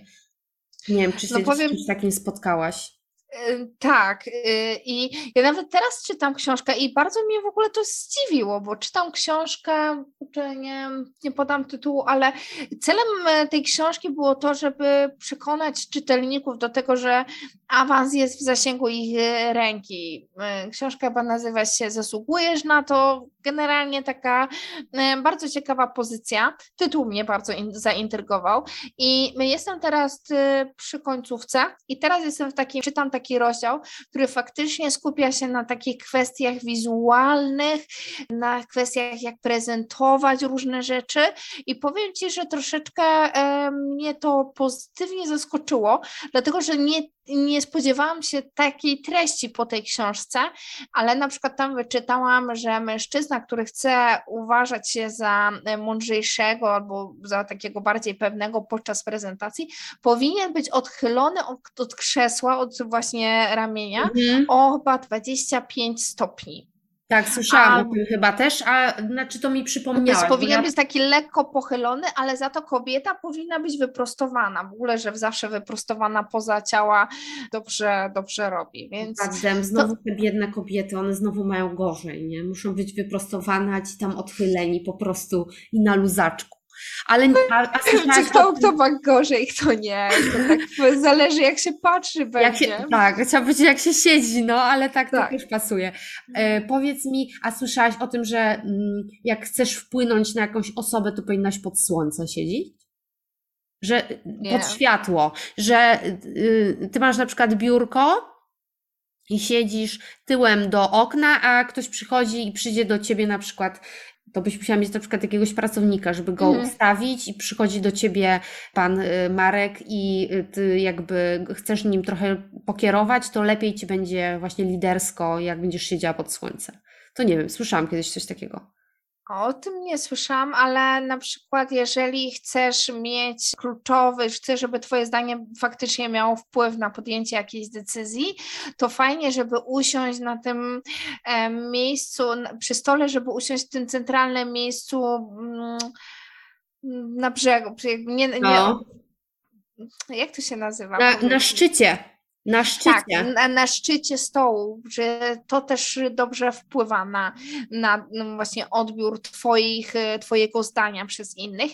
Niemniej jednak, jeżeli miejsca przy tym stole zostały ustawione już wcześniej przez na przykład organizatorów, to to, gdzie siedzisz, nie ma znaczenia. Mhm. Typów jest, jest kilka. A ubiór może mieć też znaczenie? Myślę, że ubiór ma bardzo duże znaczenie. No, ja, ja w ogóle uważam, że jeżeli chodzi o prezentację, to właśnie takie tipy, to ja tak troszeczkę je dzielę przez dwa, dlatego że moim zdaniem najważniejsze, co w ogóle jest jeżeli chodzi o mówcę, to nie to, co, jak ty wyglądasz na zasadzie, czy ty masz białą koszulę, czy ty masz niebieską koszulę, czy ty masz garnitur, tylko ważniejsze jest to, jak ty się w tym czujesz, tak. bo z tego mhm. wynika pewność siebie. Jeżeli ty jesteś osobą, która świetnie czuje się w szpilkach i biała koszula dodaje ci tej pewności siebie i ta garsonka, czy ten garnitur dodaje ci powera, to jak najbardziej się tak ubieraj ale jeżeli ty czujesz, że to w ogóle nie jest twoje i ty czujesz, że ty się przebrałaś zamiast się ubrać, no to ja w ogóle to odradzam, bo wtedy ani nie jesteś pewna siebie, ani nie masz dobrego humoru, ani nie przedstawiasz tej treści ciekawie, jakby ludzie, czy tam twój potencjalny klient też widzi, że coś jest nie tak, więc raczej go do siebie nie przekonasz. Więc ja, ja jestem zdania, że, e, że ubiór to powinien być przede wszystkim taki, żebyśmy my się w nim dobrze czuli. Mhm, ale to prawda. E, wyglądem niestety e, tu tak to nie chodzi o to, że może się sprzedajemy, ale że możemy wygrać, bo to jest tak jak ty mówisz, że ta otoczka ma dodać nam, że to jest nasza zbroja, którą my zakładamy i wtedy czujemy się dobrze. I nieważne, jakby to musi pasować do naszej osobowości. Ja na przykład miałam tak, że za każdym razem, jak byłam w szkole i e, trzeba było e, zakładać strój galowy, e, biała bluzeczka i, i spódniczka, granatowa albo czarna, ja się czułam tak potwornie źle. I po prostu czułam się na maksa staro i nigdy, nigdy się nie czułam komfortowo, czułam się brzydko, no było naprawdę totalnie źle i to w różnych konfiguracjach, w różnych stylizacjach. Ja wiem już teraz, dlaczego czułam się źle. Odpowiadając na, na konkluzję tej historii, to po prostu ja nie czuję się dobrze w takich kolorach, bo ja, ja lubię kolory. Właśnie o to chodzi, że ja mm. lubię kolory. Ja lubię wszystko, co jest związane z e, taką, te, takimi barwami mocy. U mnie biały czy czarny, on nie powoduje, że ja się czuję profesjonalnie, wręcz przeciwnie, ja po prostu jestem jak każdy, a tego nie lubię, bo lubię podkreślić jakoś swoją osobowość, więc wydaje mi się, że to jest bardzo ważne. Wiadomo, że też, żebyśmy nie przebrali się znowu i ta ta ta ta ta raz mm. jechał cyrk, nie? Teraz, mm. ale mm, żeby nie przesadzić, ale myślę, że tak, ja jestem za tym, że, że warto, warto eksponować, bo eksponujemy siebie, nie? Jakby nie patrzeć. Tak, ja też nawet nie wiem, jakie ty masz doświadczenia pracując zdalnie. Czy jak na przykład, y, czy przedstawiasz właśnie y, prezentację w zdalny sposób, czy zawsze jest to na żywo? Nie, właśnie ja przedstawiam już teraz zdalnie, więc zdalnie już teraz mam tak, że ja się specjalnie nie przejmuję. To znaczy, w teorii e, powinien być jakiś dress code dla klienta, no i e, to wtedy sobie tam oko zrobię e, i się pomaluję, bo tak to na co dzień to no i tak nie ma znaczenia, bo jest taka merka, to co tam widać. I ewentualnie po prostu jakaś koszula wierzę, żeby było widać, że jest ten kołnierzyk, on się mieści w kadrze po prostu. Mm. No. Ale, ale nie, ale nie przejmuję zajmuję się tym. Totalnie, totalnie już mi to przestało e, przeszkadzać. Pamiętam, że kiedyś miałam też takie spotkanie z potencjalnymi klientami, no to wtedy e, założyłam sukienkę, no i tej sukienki tak nie było widać, ale po prostu ją założyłam, no bo no tak sobie założyłam, było fajnie. Poczułam się, że jestem profesjonalna. No ale przy pracy Właśnie o to... to... Tak, no. no. Właśnie o to chciałam, e, chciałam powiedzieć, że jeżeli, jeżeli jakby y, troszeczkę inaczej to było przed y, pandemią, że kiedy faktycznie jechaliśmy do klienta i ta praca zdalna nie była taka popularna, ale właśnie chciałam nawiązać trochę do tego, co ty powiedziałaś, czyli malujesz się, zakładasz ten kołnierzyk, z jednej strony zakładasz go po to, żeby on był widoczny w kadrze, ale tak naprawdę już malujesz się po to, żeby być ładniejszą, na zasadzie, że spojrzysz w lustro i stwierdzisz, no ładnie, Ania, ładnie tak, wyglądasz tak. i zobacz, zupełnie inna energia jest, nie?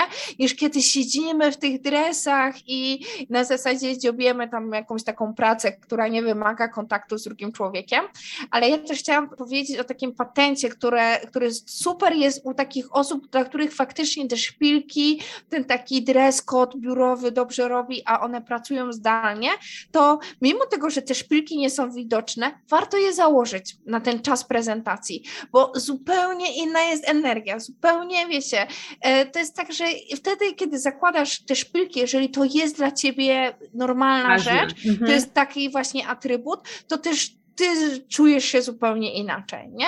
Ale jeżeli dla kogoś to w ogóle nie jest, nie jest ta historia, no to nie zakłada trampki, albo jeżeli kapcie też powodują, że on tak, się ktoś tak. pewniej czuje, to jak najbardziej.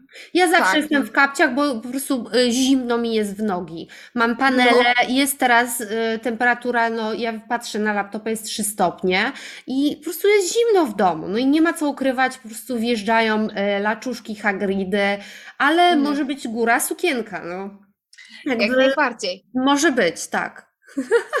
No właśnie, też ważne jest to, żeby tobie było komfortowo, bo jeżeli masz o czymś mówić, a czujesz, że ci zimno po prostu w stopy, no to masz ochotę ogrzać te stopy, a nie przekonywać tak. klienta do, do koncepcji, która troszeczkę jest bardziej odważniejsza niż on by założył na przykład. Mm -hmm, mm -hmm, no. mm -hmm.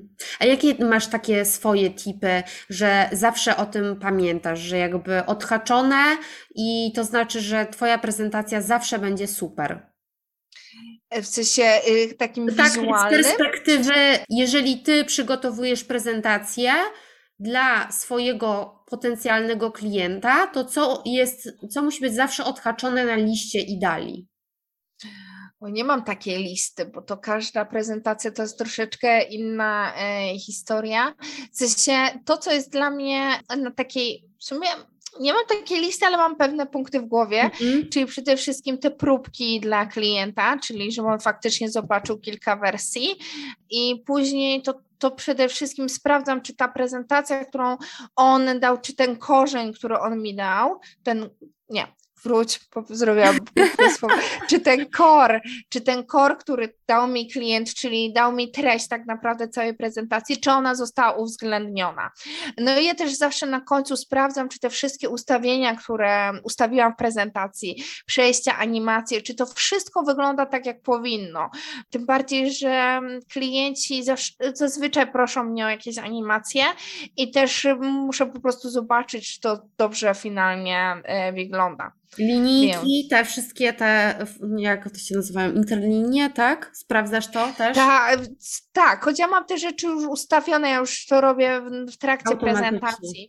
Mm, tak, wiem po prostu, jaki jest, jaka jest na przykład odległość zawsze od, od marginesu nie, między górą a dołem, w którym momencie powinien być logotyp. To zazwyczaj już po prostu jest faza kreacji. I dbam o to dlatego, że już w czasie procesu, dlatego, że jakby mi się tam coś przesunęło, a na przykład slajdy przez to, że mm, tworzą jedną całość, więc część slajdów po prostu kopiuję, no to jakbym zrobiła błąd na jednym slajdzie, to na dziesiątym też będzie błąd.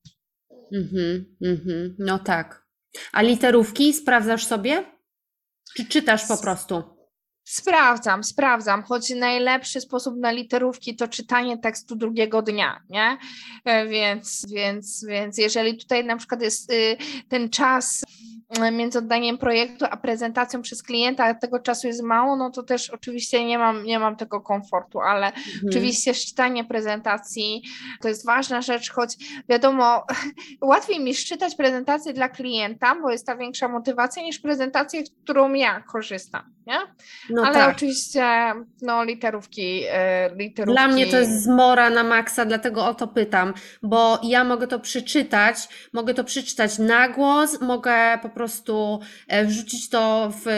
Ja, ja mam takie zawsze mm, u, u siebie to, to zawsze robię, że e, wrzucam sobie w doka kopiuję mhm. za każdym razem i wrzucam w doka i wtedy on mi podkreśla automatycznie, bo mam zainstalowaną tą mhm wtyczkę taką do chroma i on po prostu pokazuje mi te błędy, od razu je podkreśla.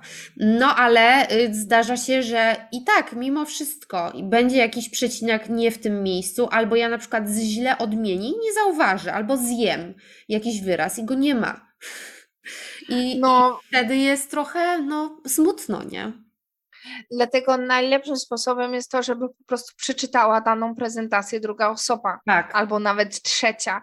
Jak właśnie ja pracowałam w agencji, która dużo rzeczy drukowała. Tworzyliśmy projekty, które miały finalnie fizyczną swoją postać, więc faktycznie zanim nie wypuściliśmy katalog do, do druku, to trzy osoby go przeczytały i to nawet kilka razy faktycznie, żeby żadna rzecz tam nam nie uciekła. No bo ile w prezentacji to łatwo można zmienić, o tyle w druku, no to już zupełnie inna mhm. historia. Mhm. No, to jest, to jest niefajna sprawa. No. no, i koszt, koszt tego to wszystko się zwiększa, więc to jest niefajna no, rzecz. Mhm. Dlatego kilka par oczu to jest taki najlepszy sposób na to, żeby te literówki faktycznie wy, wyeliminować. A co z takimi sytuacjami, która ja też uważam, że to są wpadki, tak jak nie wiem, no mówimy o literówkach, no to się zawieszamy i nie wiem, no jakaś literówka nagle może spowodować, że stracimy uwagę i zawieszamy się na tym slajdzie i tam na przykład jest żaba przez RZ, nie wiem, chory przykład, ale no załóżmy, że tak jest. I wiesz, i jest to zawieszenie, że nagle robisz to E, Y mhm. i nie wiesz co powiedzieć. To jest na to jakaś metoda?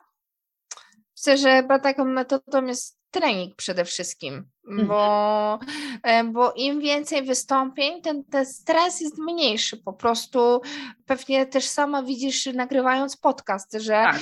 nie wiem, czy miałaś tak, że pierwszy odcinek powodował u ciebie jakieś emocje, a teraz to już jest takie. O, tak.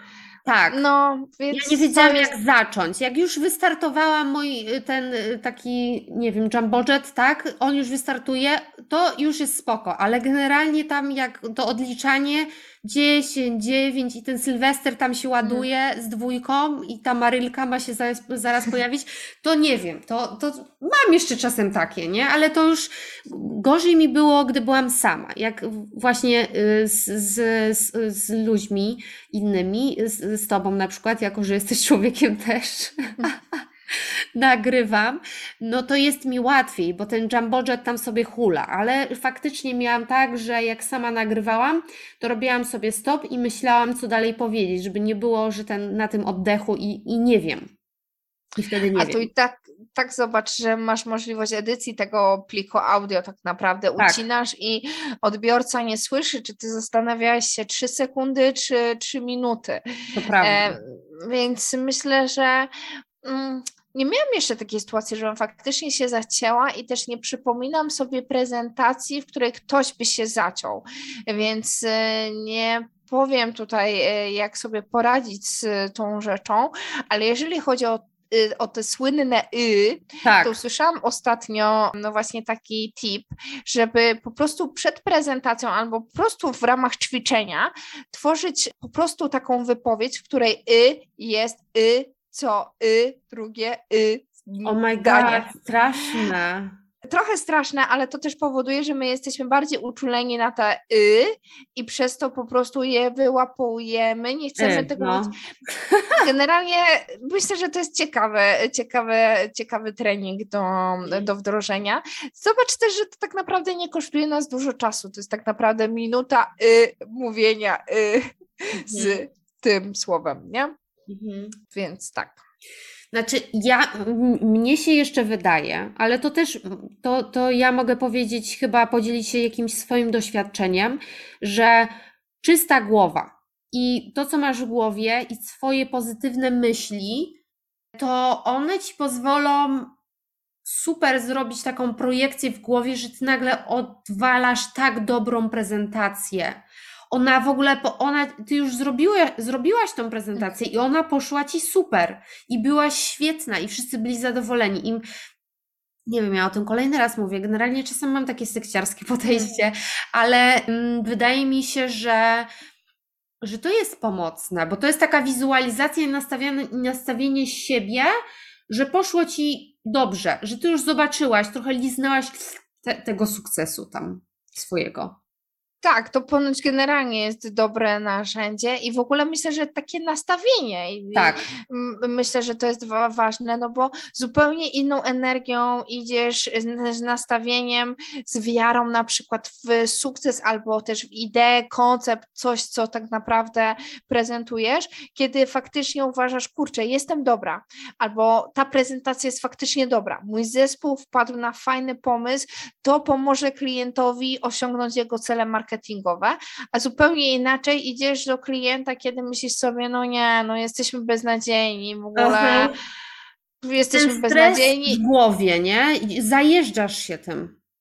Tak, tak, a to jest po prostu można, wiesz, nagle z osoby, która jest faktycznie duża, e, w takim mniemaniu ego, wiesz, jak, jak masz takie negatywne myśli, to się robisz taką małą, małą po prostu istotką. Mhm. Ja pamiętam swoją straszną prezentację. Nie wiem, może też się będziesz no. chciała podzielić, ale to była bardzo spalona prezentacja i ja wiedziałam, że ją spaliłam ale ja szłam tam już z taką myślą, że jestem za przeproszeniem jestem zesrana już jak jechałam na nią. To była prezentacja przetargowa. Ja wtedy pracowałam mm. e, w pierwszej agencji i tam oni mnie trochę testowali, ale tak testowali mnie w taki sposób, że ja już byłam zestresowana Mhm. To nie było tak, że ja nie byłam przygotowana, bo to była moja prezentacja.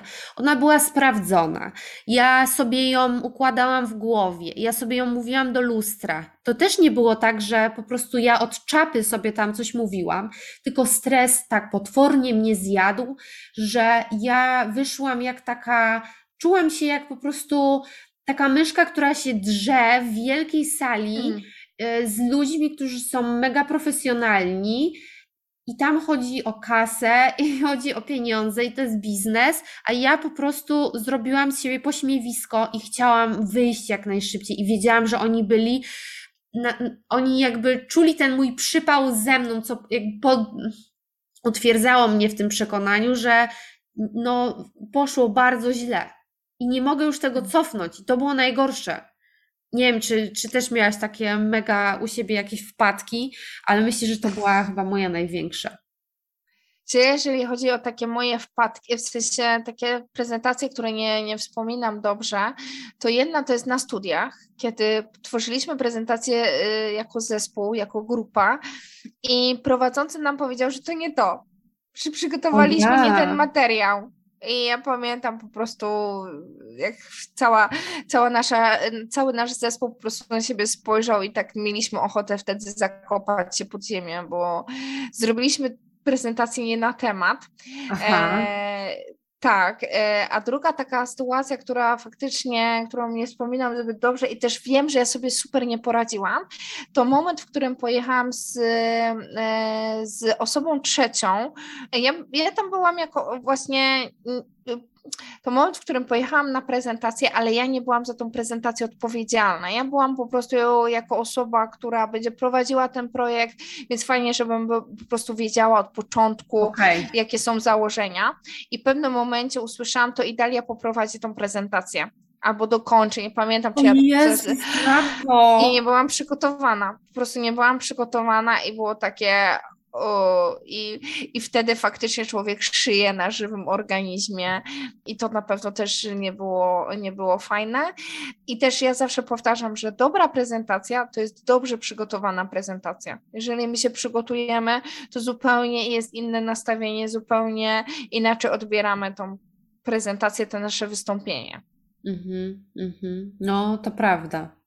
Tak, ale ja bym jeszcze dodała, że to są takie osoby, które stoją za nami, że jeżeli to nie jest tak, że to jest tylko nasza prezentacja, bo, ja, bo czasami jest tak, że idziemy i mamy tylko w głowie siebie i jedyne ograniczenia, jakie mamy, to są tylko te z naszej głowy. Ale ja właśnie też miałam takie doświadczenia, że za tą prezentacją też stał jakiś zespół, ta odpowiedzialność była zbiorowa i było takie poczucie, że ten zespół w ciebie nie wierzy i że to już jest trochę tak, że on cię skazał na porażkę i ty idziesz i właśnie dlatego mi się wydaje, że ta prezentacja, tam, ta moja przetargowa skończyła się źle, bo ja już wtedy szłam z taką myślą, że to na pewno się nie uda, bo oni też w to nie wierzą i ty podświadomie to wiesz, że oni mm. nie wierzą. I to jest smutne. No to, to wiesz, to, mm, te twoje skrzydełka już zostały z góry podcięte, nie? Tak. Więc y, tak, więc zupełnie, no, no, właśnie, to nawet nie ma o czym dyskutować, nie? Tak. Po prostu, kiedy, kiedy masz sprzedać coś, co już z góry, co nawet zespół nie wierzy, nie? No bo trochę właśnie prezentacja w wielu przypadkach to jest takie show, którym trzeba coś sprzedać, którym musisz przekonać kogoś do czegoś, nie? Mhm. A najlepsza prezentacja? Myślę, że ciągle przede mną. Uwielbiam te odpowiedzi, no. Tak, no, no taką też sobie nadzieję, że najlepsza no prezentacja ciągle przede mną. No. Nie no, trzeba, tak trzeba sobie mówić. No, mhm. ale tak a propos właśnie twojego y, tego myślenia, y, że ten zespół, kto w ciebie wierzy, to nie wiem, czy ty, ja, ja sobie ostatnio wymyśliłam takie ćwiczenie, szczególnie, że w sztuce prezentacji tak naprawdę jestem sama.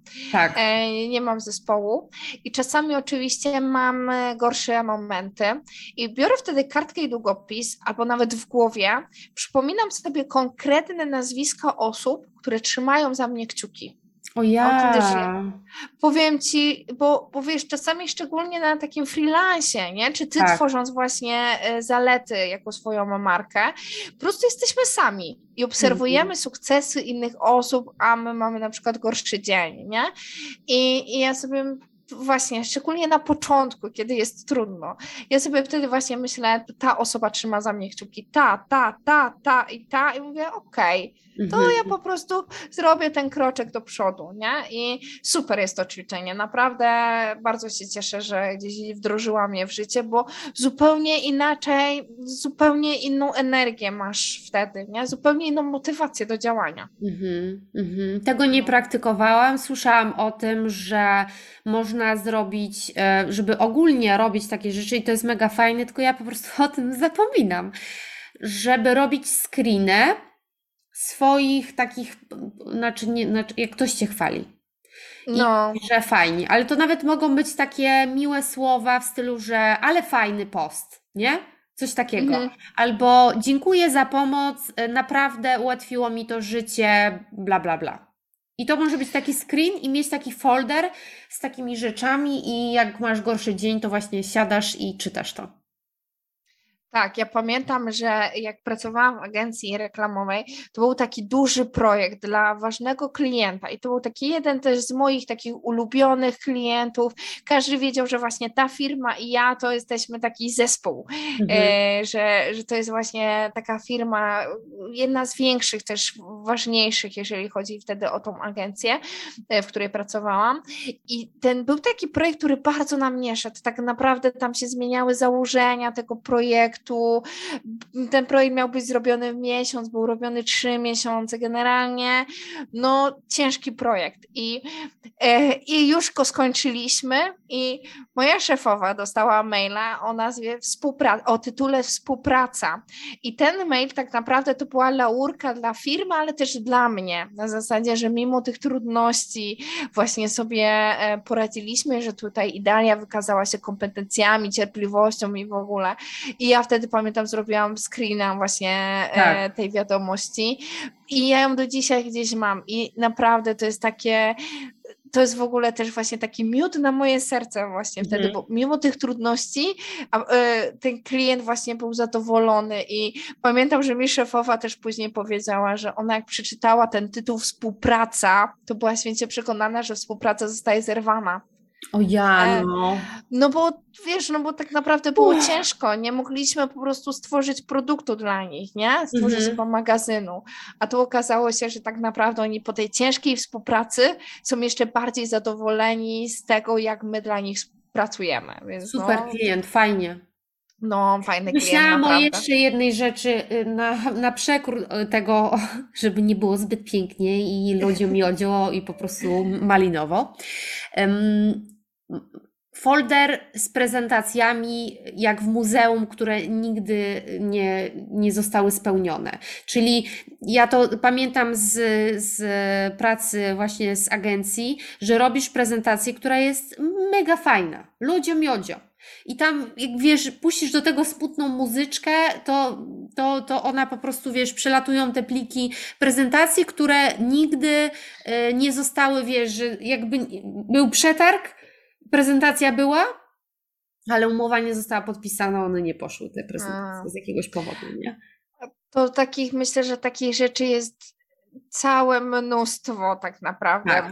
Hmm. Nie wiem, czy ty, bo ty też tak naprawdę pracujesz w bardzo kreatywnym e, zawodzie, ale e, nie wiem na ile ty masz takie doświadczenie, też właśnie pracując, ale też tworząc e, zalety, że naprawdę to jest normalne, że nie wiem, 30% pomysłów, projektów, ja też tak. strzelam tak. 30%, umierają i to jest, powiem Ci, że ja chyba jest z takiej osoby, która się troszeczkę frustruje tym na zasadzie, że kurczę, taki fajny pomysł, dlaczego go nie zrobiliśmy, tak. już po prostu przechodzi takie, to jest normalne, to jest normalne. A ja mam to... takie pomysły, ja nadal po prostu mam taki i uważam, że to jest świetny pomysł, ja tylko czekam, aż będę mogła użyć w jakiejś kampanii, bo bardzo czekam, nie powiem co, żeby, bo ktoś posłucha i będzie chciał zrealizować, a ja nie chcę, nie, ale mam takie. Nie masz na przykład swoich pomysłów wypisanych w notesie na jakieś, nie wiem, różne rzeczy, a które po prostu, nie, no nie ja masz tak nie? Robię. Ja. Nie robię. To zazdroszczę.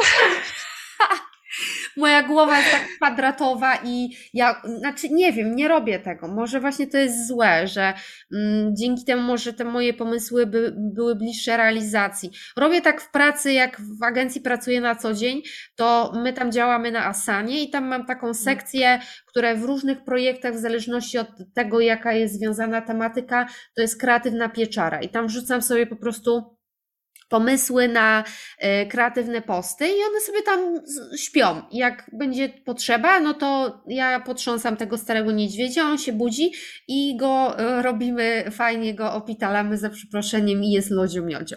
Ale generalnie ja na przykład mam tak, że ja też nie chcę trochę robić zapasu, że tą spiżarnię i tą moją pieczarę tam, kurczę, te słoiki, one już się tam, te weki nie mieszczą, nie?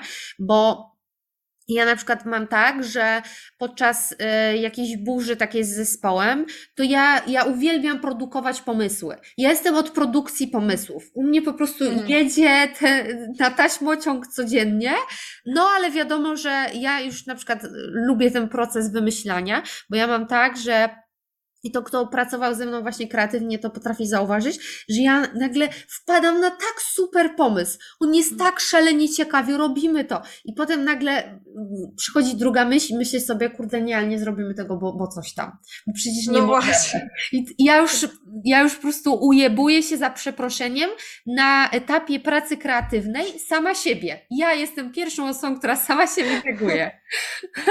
No to ciekawe, ciekawe. Na przykład, no ja uważam w ogóle, że kreatywność to z jednej strony jest super cecha, ale z drugiej strony to może być nie takie fajne, nie? I tak. ja, ja w ogóle na przykład mam e, swój notes pomysłów na e, biznesy, bo to przychodzi mi łatwo na o. zasadzie, no tak, tylko później patrzysz na przykład co rok temu, na co wpadłaś rok temu i myślisz sobie, ale byłam kreatywna.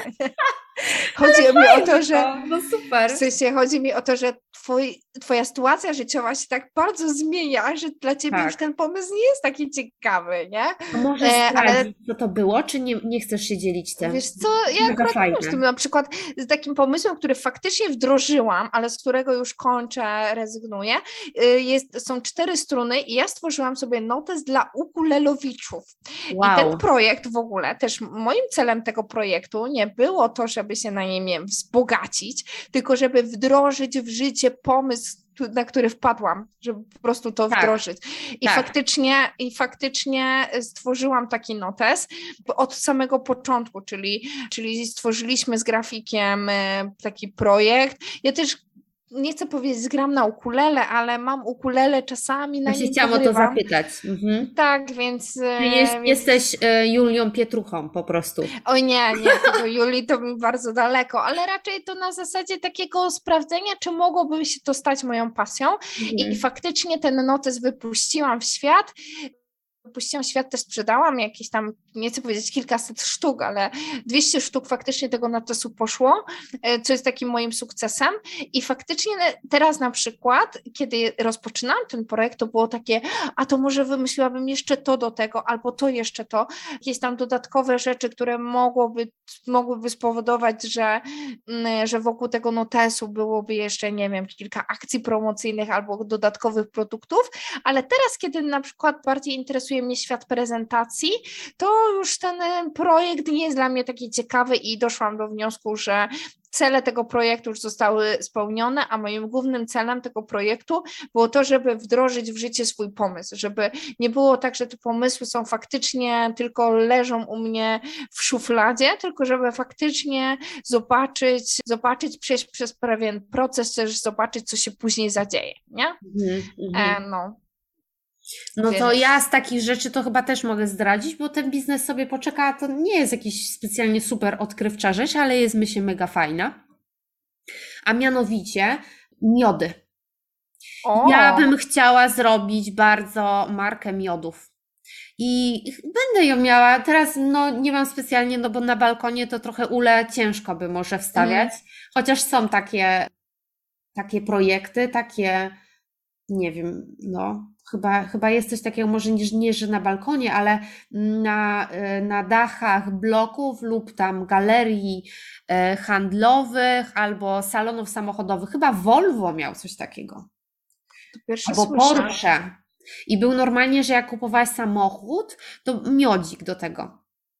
No, o, to ciekawe. To było... ja w ogóle. Tak. No, Fajne. Y, ja w ogóle też obserwując troszeczkę e, świat, e, też świat biznesu, takiego małego mikrobiznesu, ale też współpracując z różnymi e, właśnie osobami, zauważyłam, że bardzo się boimy dzielić tym pomysłem, bo ktoś nam ukradnie. Tak. A prawda jest taka, że ludziom się nie chce wdrażać tego pomysłu. I tak naprawdę, że dla ciebie ten pomysł jest fascynujący, bo jest twój, bo cię ekscytuje, ale drugą osobą on już tak nie do końca ekscytuje, nie? Mhm. Więc y, w sensie ja nie, nie namawiam do tego, żeby dzielić się tymi pomysłami na lewo i prawo, ale myślę też, że nie ma się też co obawiać, nie? Tak. Nie ma się też co, co obawiać, no bo zobacz też sama, działasz y, w mediach społecznościowych na swoim koncie zalety, gdzie dzielisz się różną wiedzą odnośnie też tworzenia marki, czy chociażby działania na Instagramie, tak. ale robisz to w swój unikatowy sposób. A ile jest takich osób jak ty? No, no oczywiście. dziesiątki? Na pewno. Ale ja miałam w no ogóle no ogromną barierę, żeby to ogarnąć, bo ja myślałam sobie, kurczę, no tak, no. No ale właśnie to, to jest to, co mówisz, ile jest takich osób. To była moja pierwsza bariera, żeby w ogóle zacząć, bo przecież oni już mają te konta, nie? No mają. No właśnie, a, a idzie ci przecież bardzo dobrze i, i zobacz, i z tego też stworzyłaś podcast i no, to jest takie twoje prawda. charakterystyczne. Nie ma drugiej Ani, nie ma drugiej takiej tak, Ani. Tak, to jest super. Ja za to bardzo lubię marki osobiste, że nie ma drugiej takiej osoby. Że to jest, no. to jesteś ty. Ty jesteś mega unikalna, unikalny. I, I to jest właśnie ta, jakby, to też jest trochę tak, że tego wyróżniku, moim wyróżnika, no trzeba trochę poszukać, bo to też, to nie, nie, nie przyjdzie ci tak czasem samo, że, że wiesz, że z czapy. No mnie na przykład przyszła teraz, nie wiem, z rok, półtora roku temu y, ta randka z marką, o której ja już myślałam wcześniej, no ale ona też troszeczkę ewoluuje ciągle, no zalety też ciągle ewoluują, nie? myślę, że będą nadal. No, myślę, że także, ale wiesz, co jest w ogóle fajne w takim tworzeniu marki osobistej? To to, że jak obrócisz się za siebie i zobaczysz, gdzie byłaś rok temu, tak. to zobaczysz tak, taki ogrom w ogóle rozwoju, że to żadna szkoła, żaden uniwersytet ci nie daje jakby chodzi mi tutaj o szkołę, uniwersytet jako o teorię, że tak. po prostu wdrożenie czegoś, praktyka to jest taki skarb, to jest takie doświadczenie, że nawet jak zrobisz 10 błędów, to to jest w ogóle najlepsze. I co najciekawsze, to z tego doświadczenia będziesz pamiętać 90% wniosków, a wiesz, z teorii na studiach, no to raczej 90 niestety procent wiedzy zapominamy, nie? No i to jest takie bez sensu, bo ładujemy w to siebie w siebie tą wiedzę, ale ona, no, no jeżeli jest nieprzydatna, to tak jak mówisz, no wrzucamy to z mózgu, a jak będzie trzeba, to zajrzymy do wujka Google i on wtedy nam powie, jak mamy to zrobić. To nie jest jakiś problem już teraz. No teraz wrócimy do klu naszego w ogóle początku rozmowy, czy do naszych studiów, jak się po prostu uczyłyśmy na te tak. egzaminy różne, no o. właśnie. Ile z tego teraz pamiętamy? No niestety nie aż tak dużo, jak pewnie byśmy chciały, nie? Ja w ogóle praktycznie już chyba nic nie pamiętam. Nawet jak coś było mega interesujące.